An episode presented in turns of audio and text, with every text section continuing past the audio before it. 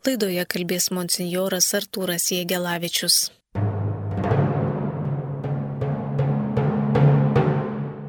Kiekvienas žmogus gyvena dviejuose paraleliuose pasauliuose - vidinėme ir išorinėme. Vidinis pasaulis - tai pasaulis, kuriame mes būname patys su savimi ir Dievu, kur mes melžiamės, kur džiaugiamės dangumi ir saulė, kur liūdime ir verkiame dėl savo ar kitų nuodėmių, kur ieškome kelių, kur formuojame save, kur mes priimame sprendimus, kur mes esame būtent tokie, kokie esame iš tikrųjų. Ir yra išorinis pasaulis, kur maža dalis to, kas egzistuoja vidinėme pasaulyje, realizuojasi, aktualizuojasi. Įgyja materialinę išraišką ir tarnauja ryšiui su žmonėmis ir su pasauliu. Jeigu norėtume melstį viešpatį pusiausviros šiems dviems mūsų pasauliams, tai dėl vidinio reikia žvelgti į seserį Mariją, o dėl išorinio į Mortą. Ir negalima pasakyti, kuris iš šių pasaulių yra svarbesnis, kaip negalima lyginti dviejų gyvų žmonių - Mortos ir Marijos, kurios mylėjo Jėzų. Negalima sakyti, kad štai ši elgėsi teisingai, o šita neteisingai. Kaip kad dažnai girdime sakant, jog Mariją turime sekti, o Mortą ne. Geriau nieko nesekti, bet įsiklausyti savo dvasinio vidinio balso, kuriuo į mus kreipiasi viešpats ir kūrybiškai apgalvoti, kaip galime į tai atsakyti. Jėzus netiek priekaištauja Mortai, kiek nori užgesinti tarp jų užsidegantį konfliktą. Nes tik Jėzus suteikia žmonėms vienybę. Visų svarbiausia yra meilė. Tai, kas yra tarp Marijos, Mortos ir Jėzaus. Jūs galite pasakyti, kad Morta murmėjo ant Marijos. Nespręskime paviršutiniškai. Pasistengime įsijausti į šią situaciją ir išgirsti šios istorijos dalyvių intonacijas. Mums atrodo, kad jeigu nebūtų ypatingos meilės ir artumo tarp jų, tokio dialogo paprasčiausiai neįvyktų. Nes jis gali vykti tik tarp labai savų žmonių.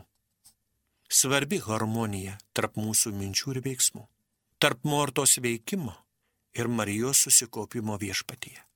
Harmonija, nežiūrint į išorinius prieštaravimus nes harmonija yra kažkur vidinėme, asmeninėme lygmenyje. Kas mūsų santykiuose su viešpačiu jam yra svarbiau - apeigos ar dvasinis vidinis mūsų pokalbis su viešpačiu? Be vidinės dvasios, be susikaupimo, be pamaldumo, visos išorinės apeigos būtų lyg mirusios. Tačiau maldingas nusiteikimas, jau nekalbant apie Euharistiją, būtų neįmanomas be ypatingo pasiruošimo, be tam tikrų veiksmų, kurių dėka atsiveria mūsų širdis. Jėzui, Morta ir Marija - tai dvi mūsų širdies dalys kelyje link Dievo. Viešpats nori, kad mūsų sielos būtų harmoningos ir turinčios vieną tikslą. Morta priima Jėzų į savo namus, bet neturi laiko jo klausytis. Ji dirba, stengiasi, kad tik viskas būtų gerai paruošta. Morta stengiasi Jėzui duoti daiktus. Tai yra maistą. Marija duoda Jėzui savo sielą, aukoja Jėzui pačią save. Jėzus atėjo pas seseris Mariją ir Mortą. Visų pirma, ne dėl to, kad jį pavaišintų, bet kad jo klausytų. Jėzus visų pirma nori duoti, o neimti. Jo kiekvienuose namuose ištariami žodžiai ramybė jums jau nori, kad žmogus liautųsi lik išprotėjęs bėgioti žemiškais reikalais ir Dievo žodyje nusiramintų. Kiek daug metuose būna vaišių, kiek daug kartų žmonės susirenka vaišintis. Tačiau atidžiau ir giliau pažvelgus, mes pastebime. Visos šios vaišės tampa vienos į kitas panašios. Valgiai tie patys, ir gėrimai tie patys, ir net svečiai tie patys, jau nekalbant apie tostus ir užstalės kalbas. Viskas taip vienoda ir panašu. Atsitokėjame, kada suprantame, jog labai dažnai susitikę mes neturime apie ką kalbėtis. Mes tuščiai kalbame ir niekas mūsų nesiklauso. Šeimininkės nerės iš kailio, stengdamosi įtikti į svečių gomuriui. Bet šeimininkai užmiršta kažką svarbaus - išklausyti svečio, suteikti jam dvasinę ramybę. Mes kiekvienoje situacijoje ir kiekviename savo darbe turime neužmiršti pagrindinio tikslo. Kristus pirmas beldžiasi į mūsų namus. Todėl jį priimti visų pirma reiškia atverti savo širdies duris, pradėti jo klausyti ir pagal jo mokslą gyventi. Jėzaus mokslas turi tapti gyvenimo stiliumi, kuris mus ves į teisingus santykius su daiktais ir žmonėmis. Todėl mes tapsime pajėgus klausyti ir priimti Jėzų. Imsime geriau suprasti realijas, o ypač mūsų brolių ir seserų reikmes. Tuomet mūsų patarnavimas artimui neapsiribos paprasta filantropija, tai yra labdarybė, privačių vargšų šelpimu, bet įgys evangelišką dvasę. Širdis, protas, valia ir visos jėgos bus nukreiptos Evangelijos skelbimui per gerus darbus. Pagal Evangelijos skaitinyje girdėtą įvykį ir Jėzaus žodžius mes neturime suprasti, kad geri darbai nereikalingi. Bet Evangelija nori, kad mes savo darbus dirbdami nepamestume aukštesnių tikslų. Nepaslaptis, kad nemažos dalies žmonių simpatijos yra mortos pusėje. Jie visiškai pritarė, kad iš pradžių darbas, o po to malonumas.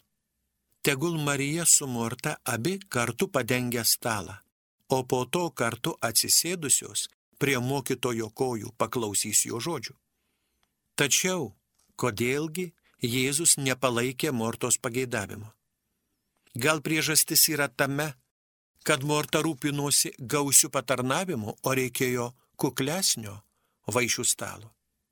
Kaip dažnai panašus dalykai atsitinka su mumis, kuomet ruošiantis religinėms šventėms, mus daugiau jaudina, ką padėti ant stalo, nei dvasiniai šios šventės vaisiai. Kartais būna toks įspūdis, kad mūsų dvasinis gyvenimas apsiriboja tik tradicinėmis religinių švenčių vaišėmis. Jeigu padarytume tokią apklausą, kaip mes švenčiame Velykas, kiek žmonių atsakytų, dažome margučius, O kiek atsakytų, iki šventės atlieku išpažinti, o šventėse einu į Velyknakčio ir Velykų ryto šventasias mišes. Žinoma, materialinė mūsų gyvenimo pusė turi didelę reikšmę.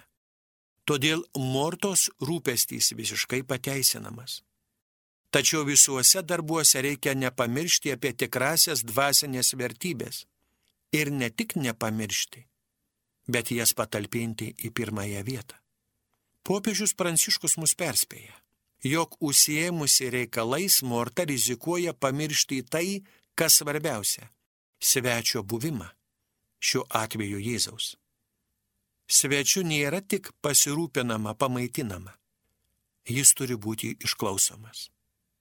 Atminkite šį žodį - išklausyti, pabrėžia popiežius Pranciškus nes svečias priimamas kaip asmuo, su savo istorija, jausmų ir minčių pilna širdimi.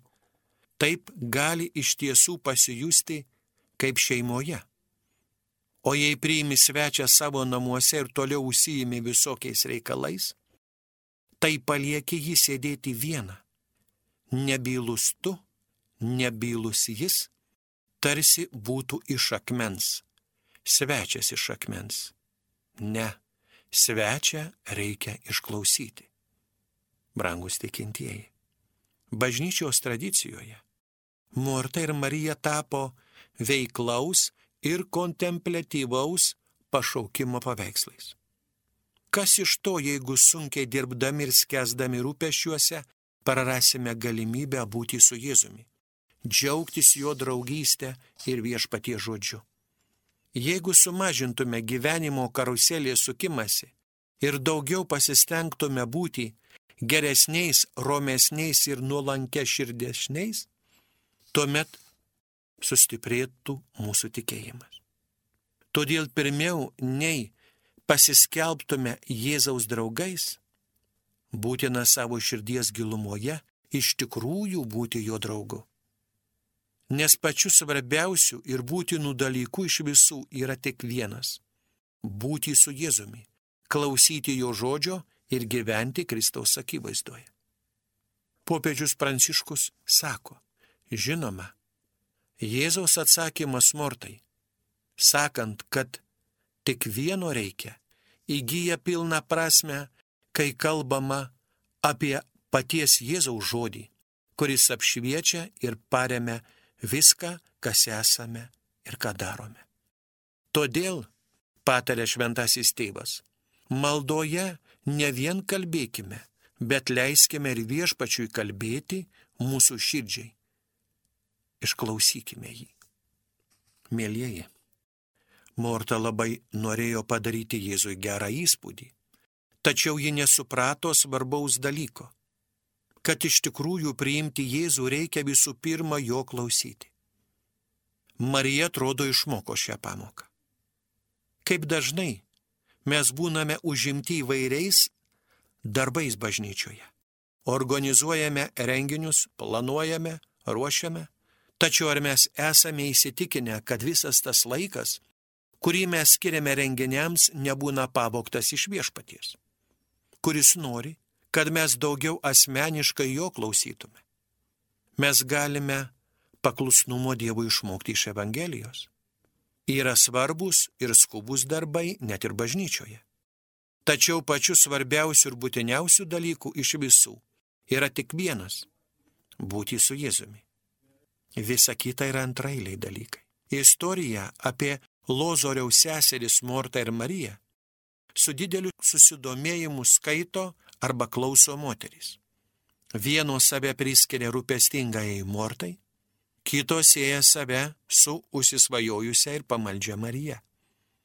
Nepaslaptis, kad kai kurios moterys, jaučiančios savo artumą mortai, šiek tiek įsižeidžiant Jėzaus. Kaip jis galėjo neįvertinti kasdieninio darbo svarbos? Tačiau kitos, ypač tos, kurioms gyvenime nekarta priekaištaudavo už nemoteriškumą, užsisvajojimą ir nemoterišką protą, šio su dideliu dėkingumu priima išganytojo žodžius apie gerąją dalį. Tačiau susimastykime, kas iš tikrųjų vyksta šioje istorijoje. Ar iš tikrųjų dvi seserys prieš pastatytos supriešintos viena kitai, kaip gali pasirodyti iš pirmo žvilgsnio. Marija, Morta - tai dvi vieno nedalomo dalyko dalys. Kas svarbiau Kas vertingiau švelniame moteriškame rūpestyje - dėmesys būtiniems būtiniams rūpeščiams ar sugebėjimas atverti į savo dvasę mylimų žmogaus žodžiams. Čia popiežius Pranciškus sako, taigi Marijos ir Mortos namuose Jėzus pirmiau nei viešpats ir mokytojas yra svečias ir piligrimas. Jo atsakymo pirmoji reikšmė yra ta, kad svečiui priimti nereikia paruošti daugybę dalykų, tačiau išklausyti, padaryti taip, kad jis pasijustų šeimoje, o ne laikinoje prieglaudoje. Toks svetingumas yra gailestingumo darbas, žmogiška ir krikščioniška darybė, kuri šiandieninėme pasaulyje rizikuoja būti pamiršta. Daugėja prieglaudos namų, tačiau ne visada juose yra praktikuojamas tikras svetingumas.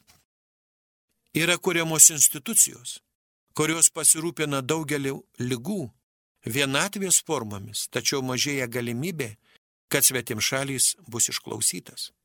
Kartais net ir savo namuose, tarp savo artimųjų, lengviau atrasti įvairių paslaugų nei išklausimo ir svetingumo.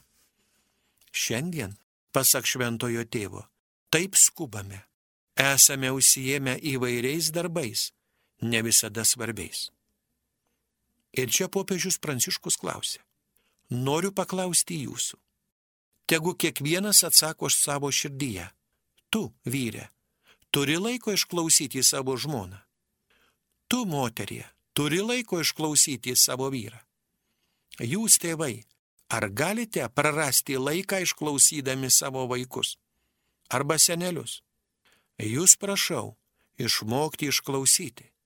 Tam skirti daugiau laiko. Sugebėjime išklausyti yra taikos šaknis, sakė popiežius Pranciškus. Tad ir mes pamastykime dar kartą apie šias dvi seseris, kad suprastume jų vaidmenis. Prisiminkime, kad dar kartą mes susitinkame su šiomis seserimis Evangelijoje pagal Joną, kada miršta jų brolis Lozorius. Pasirodo, kad būtent Morta tuomet turėjo jėgų nugalėti širdgėlą ir išėjo pasitikti Jėzaus, ištardama tokius nuostabius, didelį tikėjimą išreiškiančių žodžius. Viešpatie, jei būtum čia buvęs, mano brolys nebūtų miręs.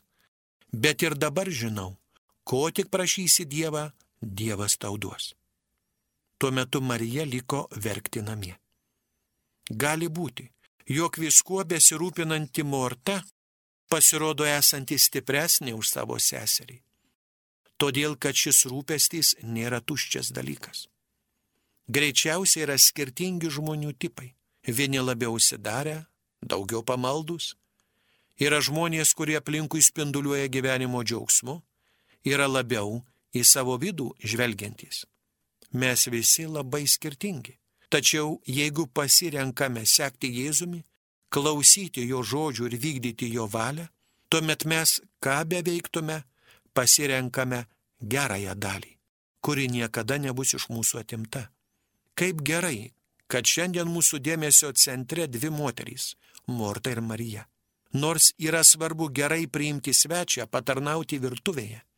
Tačiau Evangelijos skaitinys mums parodo ir primena, kad yra dar vienas mūsų gyvenimo ligmuo, kuriuo mes privalome užsimti - tikėjimo, žmogaus dvasinio gyvenimo ligmuo. Mums kartais būna taip sunku sustoti ir atsitraukti nuo kasdienybės, nuo bėgiojimo. Žinoma, tai nėra paprasta. Jėzus girdamas Mariją sako, kad jam yra svarbu, kad žmogus sustotų, kad pagalvotų, kad susimastytų. Dažnai mūsų įprasti darbai reikalauja iš mūsų to, kad mes jiems skirtume visą laiką ir visas jėgas. Todėl Dievui laiko visiškai nebelieka. Dabartinis gyvenimas žmogų verčia pastoviai skubėti ir nervuotis. Jam nėra laiko pagalvoti apie viso šito samišio prasme ir savo gyvenimo tikslą. Kad galėtų rasti atsakymą į šios klausimus, žmogus turi neprarasti mokėjimo klausyti Dievo žodžio ir jo valios. Reikia pasikalbėti su Dievu maldoje ar Eucharistinėje adoracijoje ir papasakoti jam, kas vyksta mūsų gyvenime. Nuoširdžiai atsisėdus prie viešpaties kojų kaip Marijai, įsiklausyti į jo balsą kalbantį mums. Tikriausiai, Marija ir Morta gyvena kiekviename iš mūsų. Nenuilstančiai, besiginčiančios viena su kita, kurios vaidmuo svarbesnis. Seserims reikia susitaikyti ir pradėti darbuotis kartu. Melskis ir dirbk. Pasiryškime kiekvieną dieną penkias minutės pamastyti apie Dievo žodį, apie Dievo veikimą mūsų gyvenime, apie tai, kaip mes vykdome ar nevykdome Dievo valią. Kalbėjo monsinjoras Artūras Jėgelavičius. Laidoje brolio pranciškono Gedimino Numgaudžio mokymas Mortos ir Marijos įvaizdis gyvenime. Jiems keliaujant toliau, Jėzus užsuko į vieną kaimą. Ten viena moteris vardu Morta pakvietė jį paviešėti. Ji turėjo seserį vardu Marija. Šie atsisėdusi prie viešpaties kojų klausėsi jo žodžių. Morta buvo susirūpinusi visokių patarnavimų. Ji steptelėjo ir pasiskundė. Viešpatie, tau nerūpi, kad sesuo palieka mane vieną patarnauti. Sakyk, kad ji man padėtų. Tačiau viešpats atsakė, Morta, Morta, tu rūpiniesi ir sielojasi daugeliu dalykų, o reikia tik vieno. Marija išsirinko geriausiąją dalį, kuri nebus iš jos atimta. Tai va toks šiek tiek galbūt kai kam nerima kelintis žodis. Kasgi yra ta geriausioji dalis, kurią išsirinko Marija ir kuri nebus iš jos atimta. Pabandykim save atrasti gyvenimo įvairiausiose situacijose, pabandykim save atrasti, kas mes esam, kiekvienas asmeniškai, kas aš esu gyvenime, ar aš esu Morta ar Marija. Rūpinuosi aš daugeliu dalykų, ar esu abejingas viskam, ar kaip Marija esu linkęs klausytis, klausytis, ko klausytis, klausytis Jėzaus, ar klausytis kitų žmonių, ar klausytis savęs, savo širdies, savo sielas. Gal Marija bendrai linkusi klausytis, o gal ji paprasčiausiai tinginė, Juk šiandieniniam žmogui, ypač jaunam žmogui, kai viskas juda, technologijos visokios vilioja, motociklai, mašinos, lėktuvai, skraidyti, judėti, judėti, judėti, judėti. Kaip čia galima vietoje sėdėti? Laikas pinigai, reikia dirbti, judėti, ką nors, kad užsidirbti pinigų, negalima gaišti laiko, mums reikia to, to, to, reikia užsidirbti pinigų. Tai bet koks sėdėjimas ir klausimasis yra tokia trauma jauniems žmonėms, toks laiko gaišimas. Juk kiek visokių filmų galima dabar pažiūrėti, kompiuterį įjungus, nusileisti visokių ten dalykų, žaidimų, Galima važiuoti į kiną ir nuo ryto iki vakaro filmus vieną po kito susileisti. Taigi yra tiek daug pasiūlymų, tiek daug visokių aktyvių veiklų. Tik tais, kažin, ką mes ten veikiam iš tikrųjų. Gal kas nors su mumis veikia, o mums atrodo, kad mes veikiam. Ir kodėl sėdėti tyloj Nu, jeigu dar kas nors išmintingai kalba, juk dar galima paklausyti, ne, kartais būna įdomu paklausyti, ypač kokiu nors anegdotų ar humoristinių vat, programėlių, kokių, o kartais, aišku, ir, ir mokslinių, kokių fantastinių pasakojimų įdomu paklausyti yra, bet ar galima klausytis sėdint tyloj, nieko neveikiant? Ar sėdėjimas tyloje yra nieko neveikimas? Ar tai irgi yra klausimasis? Kodėl aš šitą lenkiu? Nes šiandien Jėzus, kaip Marijai kalbėjo ir jį klausėsi jo žodžių, ar mes turim tokį šansą šiandien Jėzų va taip išgirsti, gal kokių įrašų Jėzus paliko, ai gaila, nebuvo tokių įrengimų kaip šiandien. Va. Ir žmonės sako, Gediminai, kaip tu suspėjai, tai ką tik girdėjom tave per radiją, tu jau pakotvinusi, o technologijos ką duoda. Taigi, kaip yra pas mus mūsų gyvenime su klausimu, kokios reikia motivacijos, kad prisiverst klausytis ir dar atsimint, ką nors įsimint. Ar tik tam, kad pažymį gauti, ar tam, kad iš tikrųjų išprustum, užauktum, suprastum dalykus, kas vyksta pasaulyje, kad mokėtum teisingai pasirinkti gyvenime. Vaikystėje tikrai pas mane nebuvo tos motivacijos, aš labai nemėgau mokytis. O šiandien tiek daug spragų, dėl ko labai kenčiu. Ir tikriausiai viešpats dėl to mane vėl į gimnaziją gražina ant senatvės. Todėl vaikams sakau, mokykitės, ko laikas, o tai senatvėje vėl reikės grįžti į mokyklą. Ir dabar man vėl reikia mokytis visokių dalykų, visokių terminų. Bet grįžkim prie Mortos ir Marijos. Ką duoda mums ši istorija, ką ji mumise provokuoja, ką mes atpažįstame. Kažkaip mums irgi vat, reikia ir bažnyčioj visą gyvenimą mokytis. Jėzus vadina mus savo mokiniais ir iki pat paskutinės gyvenimo akimirkos vis moko ir moko mus. Jis yra mūsų mokytojas. Ir mums reikia jo klausytis. Dievas pastoviai kreipdamasis į žmoniją, į savo išrinktąją tautą, Izraelį, sako, šma Izrael, klausyk Izraelį. Jėzus dažnai irgi atkreipia mūsų dėmesį, paklausyk, paklausykite, klausykite. Ir štai Jėzus užsuko į vieną kaimą, ten buvo moteris vardu Morta, pakvietė jį paviešėti Ji turėjo seserį vardu Marija. Šie atsisėdusi prie viešpaties kojų klausėsi jo žodžių. Mums nepasakoja, apie ką Jėzus ten taip svarbaus kalbėjo. Gal tik Marijai vienai buvo tai svarbu. Bet gal ir Morta norėjo pasiklausyti ir ją erzino, kad Marija sėdi, nieko neveikia, o, o, o ji čia triūsia rūpinasi, kaip čia tą Jėzų pralinksminti, kaip čia jį pamylėti, kaip čia jam vakarienę gerą padaryti ir jį prikaištauja. Morta buvo susirūpinusi visokių patarnavimų. Jis steptelėjo ir pasiskundė viešpatie tau nerūpi, kad sesuo palieka mane vieną patarnauti. Nu, tai kodėl ji nesako sesė, ei Marija, tik čia man padėti. Kaip įdomu, ne? Jėzui priekaištauja. O ką, Jėzus turi Mariją pasiūsti virtuvę? Įdomiai gaunasi. Dėl ko jį pasikvietė Jėzui svečius? Dėl ko jį rūpinosi daugeliu dalykų?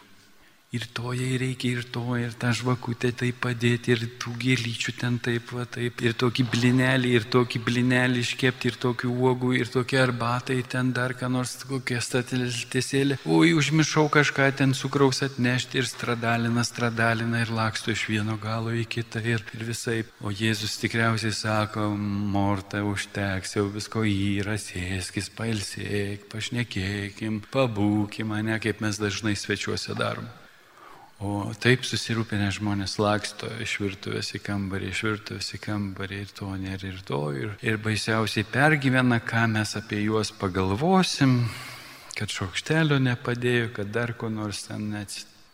Tai labai gyvenimiška istorija, tik iš tikrųjų, ir ypač mums, vat, kunigams, kai mes nueinam kur į svečius pakviesti, tai iš tikrųjų, vat, tokią istoriją labai dažnai galim atpažinti, kaip žmonės labai rūpinasi savo imidžu, kad sudaryti įspūdį, nu ir aišku kartu, kad viskas būtų gerai, kad širdies va taip. Aš manau, kad tai yra gerai ir, ir Morta yra irgi palaiminta savo rūpeščiu. Bet kas čia yra negerai? Kodėl ji neprašo Marijos tiesiai? Kodėl ji Jėzui priekaištauja? Ir kaip mūsų gyvenime yra? Ar ji bijo, Marijos paprašyti, gal bijo, kad eilinį kartą jai atsakys, ar jį visada bijo ir niekada neprašo Marijos, o visą laiką yra jie nepatenkinta ir per kitus kažką bando tipo pasakyti arba naudojasi kitu, kaip yra mūsų gyvenime. Ar mes turim drąsos vieni kitų ko nors paprašyti? Ką reiškia man paprašyti kito žmogaus pagalbos? Ir tokių klausimų galim iškelti šito istorijoje, ne? Man patiko motinos Teresės mintis, kad didžiausias neturtas žmogaus gyvenime yra tai, kad jis niekam nereikalingas. Vat į ten Indijoje su apleistais, paliktais žmonėmis, dirbdama, jiems tarnaudama, pasakė tokius žodžius, kas ją labai skaudino tie žmonės niekam nereikalingi, palikti, užmiršti. Didžiausias neturtas - būti niekam nereikalingu. Ir kai mes bijom paprašyti kito žmogaus pagalbos, galbūt irgi mes apiplėšiam kitą žmogų, paliekam jį tokiam skurde, paliekam jį nereikalingu mums. Kai tuo tarpu galbūt iš tikrųjų jis yra man reikalingas, bet aš nedrįstu kažko peržengti, nedrįstu jo paprašyti pagalbos. Tuo pačiu ir aš pats save nuskurdinu, neprašydamas pagalbos, nesudarydamas galimybės kitam žmogui mane praturtinti savo pagalbą. Mes iš tikrųjų vienas kito esam reikalingi, bet va kažkaip taip atsitinka. Velnes mus vagia, vagia žmonės iš mūsų gyvenimo per baimę, per nepasitikėjimą, per baimę būti skaudintam, būti atstumtam, būti žįstam. Jeigu tas žmogus atsisakys man padėti, gal aš pats tapsiu nereikalingu. Sakyk, kad jį man padėtų. Kaip įdomiai mes vat, viešpati linkę esam panaudoti. Jėzau, pasakyk, kad Arūnas man padėtų. Aš Arūno nedrįstu paprašyti, kai jis man padėtų. Jėzau, pasakyk, kad Arūnas man padėtų. Kodėl Jėzau tu nieko nesakai jam? Gal tavęs nėra? Tačiau viešpats atsakė, Morta, Morta, tu rūpinėsi ir sielojasi daugeliu dalykų, o reikia tik vieną. Morta, Morta. Manau, kad tie žodžiai turėjo Mortą sulydyti. Jėzus mokėdavo kažkaip vardą žmogaus ištarti ir tuo žmogų atverti. Manau, kad jis tą vardą kiekvieną kartą tardavo su meile ir paliesdavo žmogų, atgaivindavo žmogų. Ištarė jai gyvenimo žodžius, taip asmeniškai. Tu rūpinėsi daugeliu dalykų. Tu rūpinėsi ir sielojasi daugeliu dalykų. Ir sielojasi. Ką reiškia tas žodis rūpintis ir sielotis? Sielos darbas. Kaip rusai sako, atdušyje, ne? Trūdica, atdušy. Arba rabotajat. Nu taip jau grįžčiau skamba. Ten savo pareigas atlieka dirba, visai be meilės, iš pareigos, laža, velka, ne, keikia, murma. Ir vat triūsia iš širdies, su meile kažką daro, kitoks santykis, kitoks veikimas. Ir vat tas sielojimasis, mortos sielojimasis daugeliu dalykų, rūpinimasis ir sielojimasis nėra blogas. Bet kažko svarbiausio, to vieno svarbiausio, kaip ir nėra pas ją. O kas tas svarbiausias?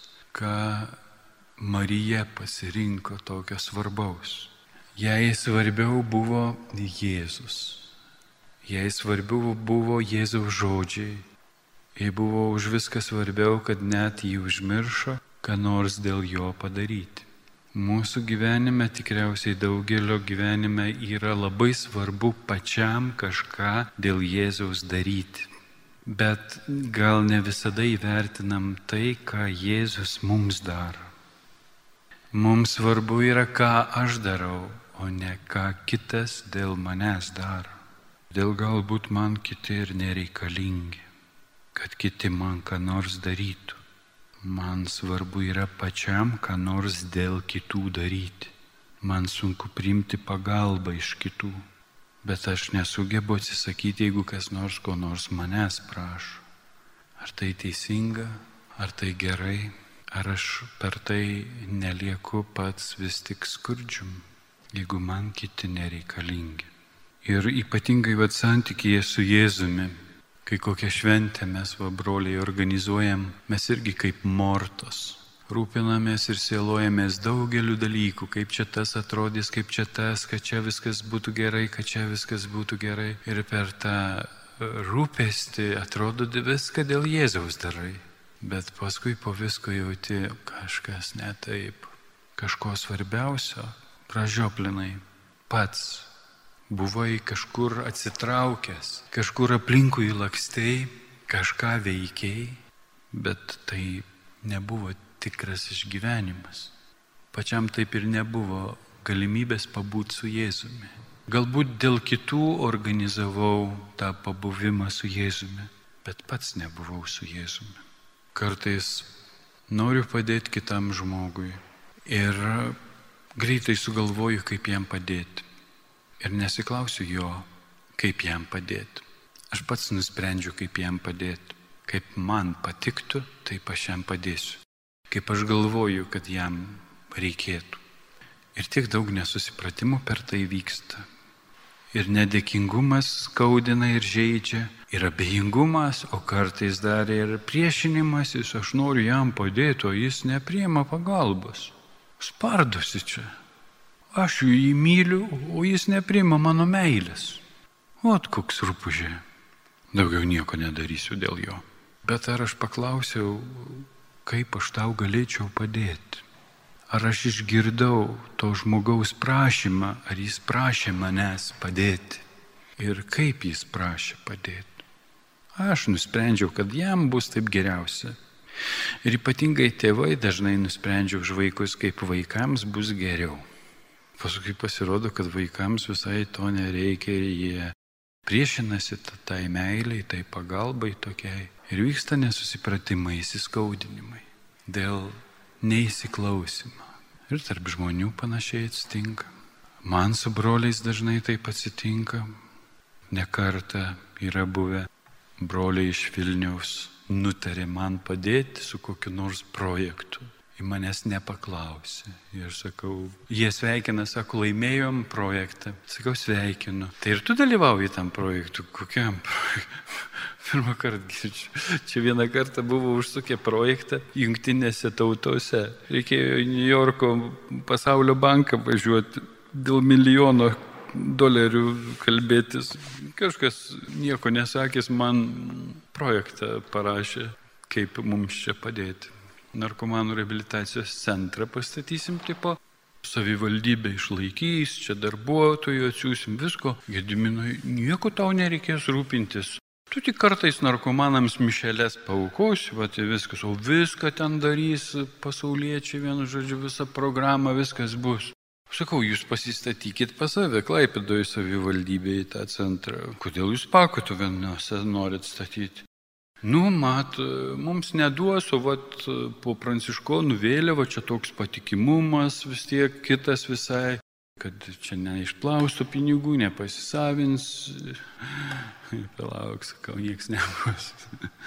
nieks nebus. Aš galiu atvažiuoti pas jūs į jūsų centrą ir ten mišelės atlaikyti, jeigu norite. O čia vat, reikia pirmą susitarti, kaip mes čia, o paskui projektus rašyti. Nu, vat, taip kartais atsitinka. Kartais taip atsitinka, kad mes už kitą nusprendžiam, su kitu nepasitarę, neįsiklausę kito, nusprendžiam, kaip mes jam padėsim. Ir, ir paskui būna nesusipratimai, būna įsiskaudinimai dėl nedėkingumo, dėl neįvertinimo. Ir santykėje su viešpačiu mes irgi visokių dalykų iš jo prašom, bet kiek mes skiriam laiko, kad įsiklausytume, ką jis nori mums pasakyti, kokia yra jo valia. Mes jo vardu darom daug dalykų gyvenime, bet neatsiklausė jo, ar jam to reikėjo. Ir atrodo, Paulius, apaštalas Paulius tokius darbus vadina negyvais darbais, kurie greičiausiai ir be meilės, o tiesiog iš inercijos daromi, iš kažkokio entuzijazmo, o dar galbūt perpinti ir mūsų asmeninių kažkokių išskaičiavimų, ambicijų, noro kažkam kažką įrodyti, puikybės, savęs sureikšminimo, savęs realizavimo. Gali būti gausybė visokių iškreiptų kaip sakant, iškreiptų netikrų intencijų, dėl ko mes tą patį darbą darom. Kas išgrynins tą mūsų intenciją, kad tikrai iš sielos, iš širdies tą ar kitą darbą darytume.